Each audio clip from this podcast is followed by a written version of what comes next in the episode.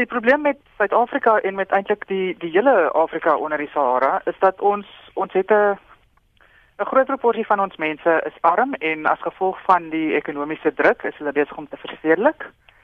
En sodra jy 'n probleem het, uh, ons noem dit 'n epidemiologiese oorgang waar mense uit die landelike areas uit beweeg waar daar meer infektiewe siektes waar infektiewe siektes 'n groter probleem is en hulle skuif dan na die stede toe waar hulle 'n ander dieet begin eet en hulle is meer blootgestel aan verskeie bronne van besoedeling en so beweeg ons van infektiewe siektes wat die grootste probleem is na meer kroniese siektes so suikersiekte, hart- en longkwale en dan kankers.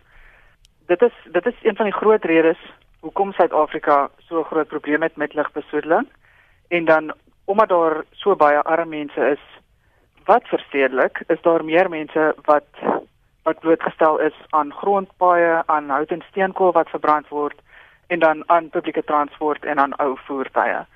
So daar is meer bronne van besoedeling in Suid-Afrika en in die hele Afrika onder die Sahara en ons het meer mense wat blootgestel word aan daardie besoedeling. So nie net is daar 'n groter probleem nie, daar is ook meer mense wat blootgestel word daaraan. Kom ons gesels weer oor die gesondheidsimplikasies. Hoe raak dit mense in Suid-Afrika? Weet mense altyd dis die lugbesoedeling? Ek dink nie mense besef dis die lugbesoedeling nie. Die probleem met baie van hierdie besoedelings, waterbesoedeling, lugbesoedeling is dat jy kan nie altyd sê wanneer jy siek geraak het en iemand vra vir jou, het jy was jy in kontak met besoedelde water of het jy miskien gekontamineerde voedsel geëet?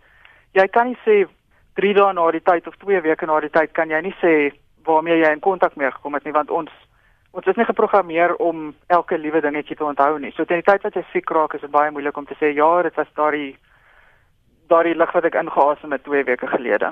So mense is nie altyd bewus van van die komplikasies nie omdat dit nie so direkte gevolg is nie.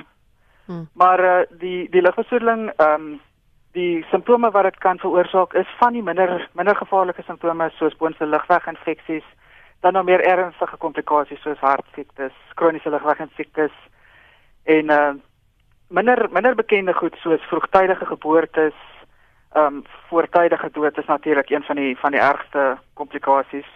En dan dit is ook onlangs gekoppel wat mense nie altyd besef nie, ehm um, aan siektes van die metabolisme en die senuweestelsel en ook nie respiratoriese kankers veral kinderbloedkanker.